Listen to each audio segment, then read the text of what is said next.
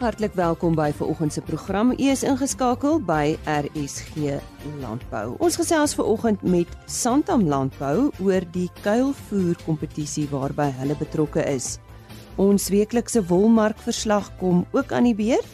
Dan praat ons met Afriwet oor die One Health Kongres wat in Kanada plaasgevind het. Daar is tydens hierdie kongres ook besef mens en diergesondheid kan nie meer in isolasie na gekyk word nie. En later in die program gesels Henny Maas met advokaat Erns Rigter oor die wettiging van Dagga en die impak op veral landbou. Die gewilde Santam Landbou Nasionale Kuilvoer Kompetisie wat deur Plaas Media aangebied word, het weer vanjaar 'n reuse getal inskrywings ontvang.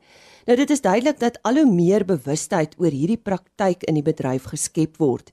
Ek gesels ver oggend met Hanlie Kruse van Santam en sy praat met ons oor die betrokkeheid van hulle kant af hierby en sy is bestuurder besigheidsontwikkeling. Nou Hanlie, waarom borg julle die Santam landbou kuilvoer kompetisie.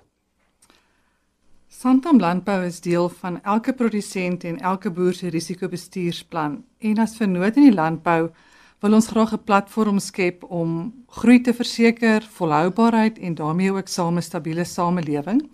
Nou kuilvoer is 'n baie belangrike deel van die produsent se besigheid want dit dra by tot effektiwiteit wat winsgewendheid dryf Dit gaan alles oor die verhoging in produksie om die kwaliteit van die voedsel te verhoog met die minste impak op die omgewing. En dit is alles aspekte wat Santam ondersteun en waarby ons betrokke wil raak en daarom is ons ook die trotse borg van die Santam Kuilvoer kompetisie. Hoe lank word die kompetisie al gehou en, en en is daar nog goeie belangstelling? Hierdie was die 5de jaar wat die kompetisie aangebied is en is die wenners weer tydens die Alpha skou se denie gala funksie uh, aangekondig. Daar is in totaal hierdie jaar 74 inskrywings ontvang in die kategorie mieliekeilvoer, voersorgum en haver. En in totaal vir die 5 jaar was daar 247 inskrywings ontvang. En ons sien dat hierdie kompetisie elke jaar groei en dat die belangstelling baie groot is. Die wenner hierdie jaar was West End Landgoed wat ook verlede jaar aangekondig is as die kuilvoer koning. En dan in die skole kategorie was Agri Marensky die algehele wenner met 'n besondere prestasie omdat hulle ook in die kategorie voersorgum kategorie die eerste plek behaal het. Hanlie, wat is een van die hoogtepunte van hierdie kompetisie? Hierdie kompetisie het tot op datum baie goeie data en resultate gelewer wat baie positief deur almal wat deelneem, die maatskappye, die deelnemende boere ontvang is, asook universiteite en navorsingsinstellings. Ehm um, hierdie kompetisie word 100% wetenskaplik aangebied met 'n protokol wat internasionaal aanvaarbaar is. En dan is die kompetisie ook kommersieel gerig wat baie relevant is vir die boere en die hele bedryf en industrie. Nou een van die prestasies wat ek graag wil uitlig is die van Hubert Fourie van Limpopo Dairies wat elke jaar van die begin vir 5 jaar ingeskryf het en wat elke jaar onder die finaliste geëindig het. En so is daar ook baie ander inskrywers wat meer as een keer al deelgeneem het aan die kompetisie wat net wys hoe relevant en hierdie kompetisie is en hoe ehm um, die uitslae en die resultate en die kennis wat hierdeur ingesamel word deur die hele ehm um, industrie ontvang word. Kom ons gesels 'n bietjie oor die maak van kuilvoer. Watter risiko's hou hierdie maak van kuilvoer in wat verseker kan word onder 'n korttermynversekeringspolis? So al die toerusting wat gebruik word met die maak van kuilvoer kan onder jou batepolis verseker word. Ons het ook seker gemaak dat ons polisnommerpas aangepas is om die risiko spesifiek aan te pas. So kan jou trekkers die harke, die sleepwaens, die laaigrawe, ehm um, die snyers en die balmasjiene, alles wat gebruik word kan verseker word onder jou batepolis met spesifieke dekkings vir die spesifieke risiko's. Dan is die toemaak van die kuilvoer met plastiek of silosakke 'n baie belangrike deel van die hele kuilvoermaakproses en kan die plastieksakke en die silosakke ook verseker word. En dan besef min mense hoe gevaarlik so 'n kuilvoerbanker kan wees en daarom is dit ook belangrik dat die boer moet seker maak dat sy gemeenregtelike aanspreeklikheidsdekking in plek is, asook die ongevalleversekering wat baie noodsaaklik is. Ons sê daarmee baie dankie aan Hanlie Kruse, sy's bestuurder besigheidsontwikkeling by Santam en sy het met ons gesels oor die jaarlikse Santam Landbou Nasionale Kuilvoer Kompetisie wat deur Plaas Media aangebied word en elke jaar van krag tot krag groei. Dis nou tyd om te hoor wat met ons wolpryse gebeur het en met die nuutste wolmarkverslag aan die woord Jolandi Rood. Die wolmark het die week teruggesak en die Cape Wools Merino aanwyser daal met 6,0% en 1312 punte om te sluit teen 'n waarde van R204.68 per kilogram verskoon wol. Die Australiese EMI daal met 3,9% die week. Die Cape Wools alle wol aanwyser daal met 5,9%. Die wolmark het laer verhandel weens die sterker rand en 'n marginaal laer mark vraag na lang en gemiddelde lengte fyn merino wol. Alle wol is deur die daling geraak en pryse deur die bank het gedaal. Seisonale leweringe ontvang by makelaars is merkbaar laer as teenoor die vorige seisoen. Modiano het die meeste bale op die veiling gekoop vandag. Altesaam 87,7% van die 9584 bale wat op die veiling aangebied is, is verkoop. Die grootste kopers op die veiling was Modiano met 2650 bale, Tianyu SA met 2193 bale, Standard Wool SA met 1938 bale en Lempriere SA met 784 bale. Die gemiddelde skoonwolpryse vir die seleksie binne die verskillende mikron kategorieë goeie lang kamwol tipes was soos volg: 18 mikron daal met 5,7% en sluit teen R231,88 per kilogram. 18,5 mikron neem af met 6,1% en sluit teen R231,08 per kilogram. 19 mikron verlaag met 6,2% en sluit teen R221,23 per kilogram. 19,5 mikron verswak met 6,7% en sluit teen R219,43 per kilogram. 20 mikron is 6,3% af en sluit op R215,67 per kilogram. 20,5 mikron is 6,0% swakker en sluit op R214,13 per kilogram. 21,5 mikron het 5,6% afgeneem en sluit op R206,20 per kilogram. 22 mikron daal 5,1% en sluit op R203,73 per kilogram. 22,5 mikron is 4,9% swakker die week en sluit op R207,53 per kilogram. Die volgende veiling vind plaas op 14 November wanneer plus minus 12957 bale aangebied sal word. Jolandi Rood wat vir ons meer vertel het wat het met wolpryse gebeur by onlangse veilinge in Port Elizabeth. Ons gesels nou met die algemene bestuurder nuwe besigheidsontwikkeling by Afriwet Dr Rian De Pre. Nou uh Afriwet het onlangs die internasionale One Health Kongres bygewoon in Kanada en uh, hy kom vertel ons meer oor hierdie benadering nou internasionaal staan dit wel bekend as One Health maar ons kan maar sê een gesondheid hier in Suid-Afrika. Ja Rian, wat is die One Health of een gesondheid konsep? Goeiemôre Lise en baie dankie dat ek met jou kan gesels.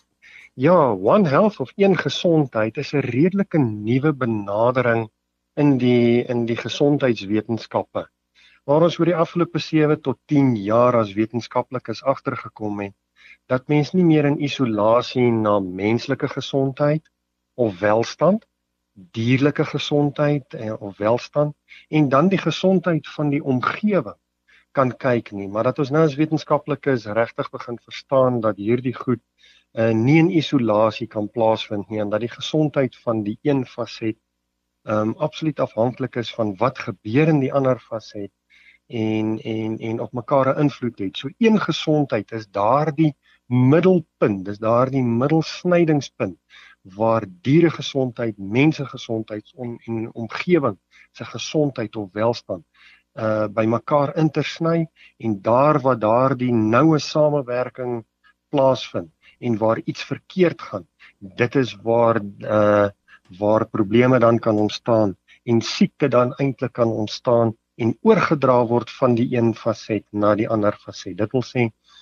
van van 'n omgewing wat besoedel word of in wanbalans ehm um, ontstaan as gevolg van die mens se aksies kan siektes binne diere muteer en daardie siektes kan dan oorspoel na die mens toe. So een gesondheid is om dan uit 'n holistiese prent en dan daardie interaksies te kyk wat dan ook beteken dat jy met 'n multidissiplinêre oog daarna daarna moet kyk. So nie net veeartse kan daarna kyk nie, nie net uh dokters uh, kan daarna kyk nie, nie net ekoloog kan daarna kyk nie. Ons moet almal saam as 'n multidissiplinêre span begin kyk na gesondheid en welstand van al hierdie fasette. Nou jy het so vinnig daaraan geraak, maar uh waarom is hierdie een gesondheid benadering nodig? Uh Lise want uh ons is in 'n snel veranderende wêreld waar uh die wêreld ook onder onder stres is ehm um, waar waar globale verwarming 'n kwessie is, waar beperkte hulpbronne 'n kwessie is en waar ehm um, siektes baie vinnig van een deel van die wêreld na 'n ander deel van die wêreld kan versprei as gevolg van mense se beweging. Klim in 'n vliegtyg vandag in Asië en jy's môre in Amerika en jy kan een van hierdie siektes so baie vinnig versprei. Uh en omdat hierdie siektes en hierdie fasette soos wat ek gesê het baie nou verband hou, kan dit 'n siekte wees wat by diere ontstaan het, oorgedra wees na 'n mens. Hy klim op 'n vliegtyg vlieg na 'n ander deel van die wêreld en skielik het ons 'n pandemie. So uh dit is dit is hoekom hierdie ehm um, nuwe benadering om na om na siekte of gesondheid en welstand uit hierdie holistiese hoek te kyk so baie belangrik is. So hierdie kongres wat in Kanada nou plaasgevind het, wat is van die belangrikste sake wat bespreek was? Lisa, ons was in vier strome uh verdeel en ons het na vier verskillende aspekte gekyk. Die een was die klassieke siekte uh benadering waar ons gekyk het na na siektes in die een gesondheid as aspek. Dit wil sê meerendeel siektes wat van dier na mens oorgedra kon word. Uh die die benaming van hierdie siektes staan dan as zoonotiese siektes bekend. So ons het dit bespreek uh en gekyk na epidemiologiese modelle uh vir die toekoms watter van hierdie siektes kan dalk pandemies raak. Ehm um, pandemies is dan iets soos uh in die onlangse verlede was daar die uh die die hoë patogene 'n voëlgriep waar waar baie mense gesterf het. Ehm um, ons ons ons het die uh die respiratoriese uitbrake gehad, die Suid-Asiatiese respiratoriese uitbraak of SARS, die Midde-Ooste een of MERS. Uh ons het varkgriep gehad. Ons het Ebola gehad nou onlangs, nê? Nee? En hier in Suid-Afrika het ons lengdalkoors gehad hier in 20 2011 2012 waar daar selfs 'n klompie mense gesterf het. So ons het na daardie tipe zoonotiese siektes gekyk en lande se gereedheid al dan nie om sulke pandemiese uitbrake te kan hanteer. Dan het ons gekyk na antibiotiese of antimikrobiese weerstandbiedendheid wat ehm um, die beginsel of of wat die uh, tendens is waar mikrobe, uh, bakterieë ensovoorts die vermoë ontwikkel om weerstand op te bou teen die middels wat ons gebruik om hulle te beveg. So bakterieë bou antibiotiese weerstand op as gevolg van die wangebruik of die verkeerde gebruik van antibiotika. Het sy in die menslike geneeskunde of in die veterinêre, jy weet in die dieregeneeskunde. En dit is 'n dit is 'n baie baie belangrike aspek. Heidiglik sterf daar omtrent 700 000 mense jaarliks aan ehm um, aan hierdie superkieme, hierdie kieme wat weerstand opgebou het. So hulle kry infeksies in hospitale wat glad nie meer behandel kan word nie en dan sterf hulle daarvan. 700 000 mense. Die epidemiologiese modelle wat ons in Kanada na gekyk het, het vir ons gewys dat as ons nie iets drasties hieraan gaan doen nie, kan daar teen 2050 10 miljoen mense jaarliks aan hierdie superkieme in se infeksie sterf. So ons het dan nou gekyk na hoe antimikrobiese uh, weerstandbiedendheid beveg en beperk kan word. Dan het ons ook 'n bietjie gekyk na die interaksie tussen tussen die navorsing, dit wil sê navorsing wat het sy oor hierdie zoonotiese siektes of oor antimikrobiese weerstandbiedendheid gedoen word en hoe dit oorspoel in uiteindelike ehm um, uh planne, aksieplanne en dan ehm um, en wetgewing in in lande. So ons het bietjie gekyk na die politieke wetenskaplike interaksie en of daar wel interaksie plaasvind en of ehm um, navorsing uiteindelik oorspoel in oplosbare planne of 'n uh, wet wetgewing wat dan die wêreld 'n beter plek maak. Ek gesels donderdagoggend verder met dokter Rian de Pre van Afriwet oor die zoonotiese siektes waarna hy verwys het. Hy is algemene bestuurder nuwe besigheidsontwikkeling by Afriwet. Ons sluit nou aan by Henny Maas. Ons gesels nou met 'n uh, eh, advokaat Ernst Rigter. Hy is uh, van die Landbou Werkgewersorganisasie en ons gaan met hom praat oor die konstitusionele hof wat on, in 'n onlangse uitspraak die vervolging van persone wat dagga vir privaat doeleindes besit en kweek ongrondwetlik verklaar. En dit kom egter met 'n hele paar uitdagings saam. En nou praat ons met Ernst oor uh, die wettiging van dagga en die impak wat dit veral op boere het. Uh gee ons het dalk 'n oorsig van die van die hofuitspraak ernst? Seker nie. Uh die hof het die privaat besit vandag en dan ook die privaat kweek vandag.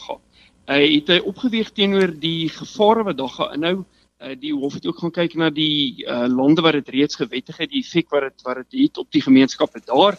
En die hof het 'n bevinding gemaak dat die privaat besit vandag en die privaat kweek vandag uh voorrang geniet bo die moontlike gevare wat dit wat dit kan inhou en dat dit derhalwe dan ehm um, nie geregverdig is om dagga onwettig te verklaar nie. Dis baie belangrik om om te let op die uitspraak dat die verkoop van dagga, die besit van dagga ehm um, in in in in die in die publiek uh is dan is dan steeds onwettig. Ehm um, mense hoor wollaar stories van uh tannies wat uh, dagga olie verkoop op kerkbazaars en spyskyks. Dit is nog steeds onwettig. Die probleem met die hofuitspraak is egter dat 'n privaat plek is nie spesifiek gedefinieer in die uitspraak nie. Daar word nie verwys na 'n privaat woning nie. So die vraag ontstaan nou as jy byvoorbeeld 'n klomp studente het wat 'n uh, eh, besluit hulle gaan met die hoogste lof hierdie jaar deurkom en hulle rook dit in 'n uh, studente koshuis. Is dit 'n privaat plek? Is dit nie 'n privaat plek nie? Kan jy dit beheer? Kan jy dit nie beheer nie? Vir boere spesifiek dan die kweek van dagga en die besit van dagga deur werknemers wat op die plase bly. Hoe word dit gereguleer? Want die privaat eh, vir besit vir privaat doeleindes is ook nie uh, gedefinieer nie en dit word oorgelaat aan die opinie van 'n polisiebeampte wat dan die ondersoek doen. Wat kan wissel van persoon tot persoon? So dit het 'n uh, spesifieke impak op boere, né? Nee? Verseker, dit gaan 'n geweldige groot impak op boere hê. Ehm um, die impak wat dit op boere gaan hê is dat vroeër jare het jy gaan kyk na dagga en jy kon sê dagga is onwettig. So daarom enige besit en kweek van dagga word deur die wet verbied en in terme van die kriminele reg mag jy dit nie hê nie en daarom kan jy ook dissiplinêre stappe neem daarteenoor. Met die wettiging van dagga veral vir privaat doeleindes en dan ook die privaat besit beteken dit dat jy 'n beleid in plek sal moet hê en jy sal 'n reël daar moet stel om te sê dit is hoe ons dag gaan hanteer in die werksplek. Dit is dieselfde as drank en pornografie byvoorbeeld. Drank en pornografie is nie onwettig nie. Maar as jy nie 'n reël in die werksplek het wat sê dit is hoe ons alkohol hanteer, dit is ons die toetsing van alkohol hanteer nie, gaan jy nie slaag met dissiplinêre stappe nie. Nou dieselfde uh, probleem sit jy met met met met dagga.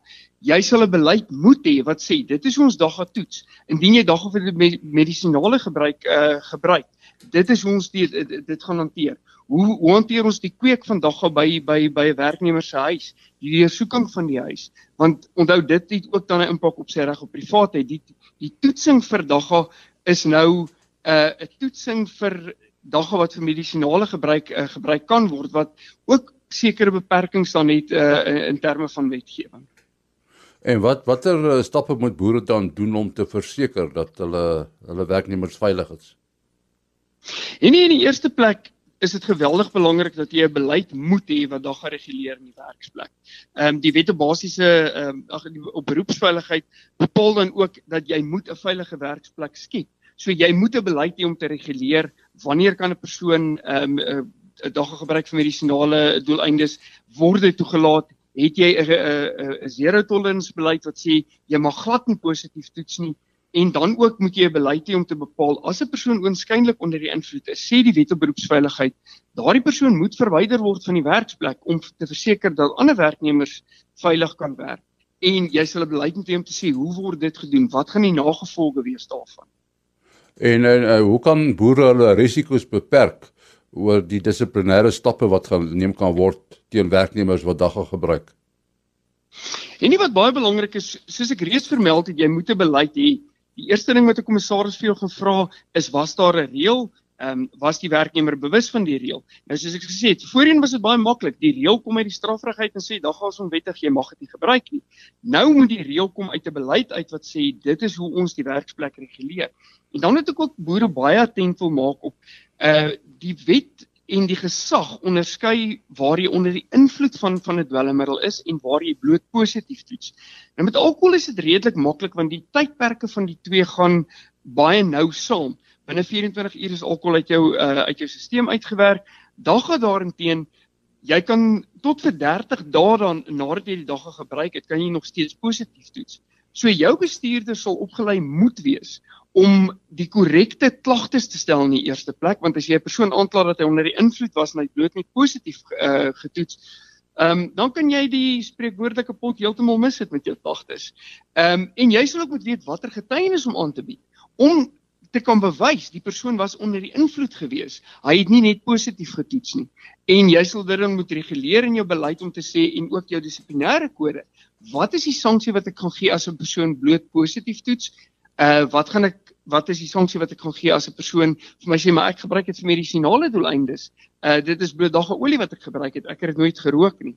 So jy sal 'n uh, jou dissiplinêre kode, jou uh, jou alkohol en en en en dwelmbeleid sal in plek moet wees. Dit sal konkrete uh, bepalinge moet bevat oor hoe jy dit gaan hanteer en jy sal dan moet opleiding gee aan jou bestuurders sodat die regte getuienis voorgesit word in jou dissiplinêre verhore.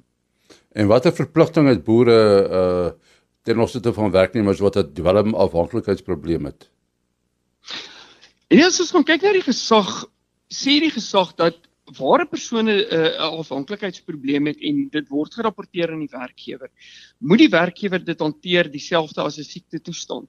So jy moet die persoon die geleentheid gee om te gaan vir rehabilitasie. Die gesag sê nie dat jy moet betaal vir die rehabilitasie nie. Dit uh, beteken ook nie die persoon moet op 'n uh, eh, siekverlof geplaas word nie, maar jy moet hom 'n geleentheid gee om hom te kan rehabiliteer. Jy kan nie net 'n persoon afdank en sê jy het 'n dwelmafhanklikheidsprobleem, daarom gaan ek jou dienste beëindig nie. So daar gaan die onbevoegdheidsstappe wat geneem moet word. Um, en 'n verhoor uh, ten opsigte van uh, die bevoegdheid van die persoon om langer sy werk te doen moet gedoen word wat wat heelwat different uh, verskillend is van jou dissiplinêre stappe wat jy wat jy gaan neem waar 'n persoon byvoorbeeld net onder die invloed van dagga is. Dit was dan uh, advokaat Ernst Rigter van die Landbou Werkgewersorganisasie wat gesels het oor uh, die gebruik van dagga en al die sake wat daarmee verband hou. Dankie Henny en uh, môreoggend op die program as ons vinnig daarna kyk gesels ons met Richard Venter oor die standaard van kuilvoer in Suid-Afrika. Ons praat ook met Lindy Stroebel van die PMA oor die Fresh Summit wat uh, onlangs daar in Orlando, Florida plaasgevind het. Dit is aan RC Landbou môreoggend. Ons kuier graag weer saam met u. Ons kuier graag weer saam met u. RC Landbou is 'n produksie van Plaas Media. Produksieregisseur Henny Maas. Aanbieding Lisa Roberts en inhoudskoördineerder Jolandi Root.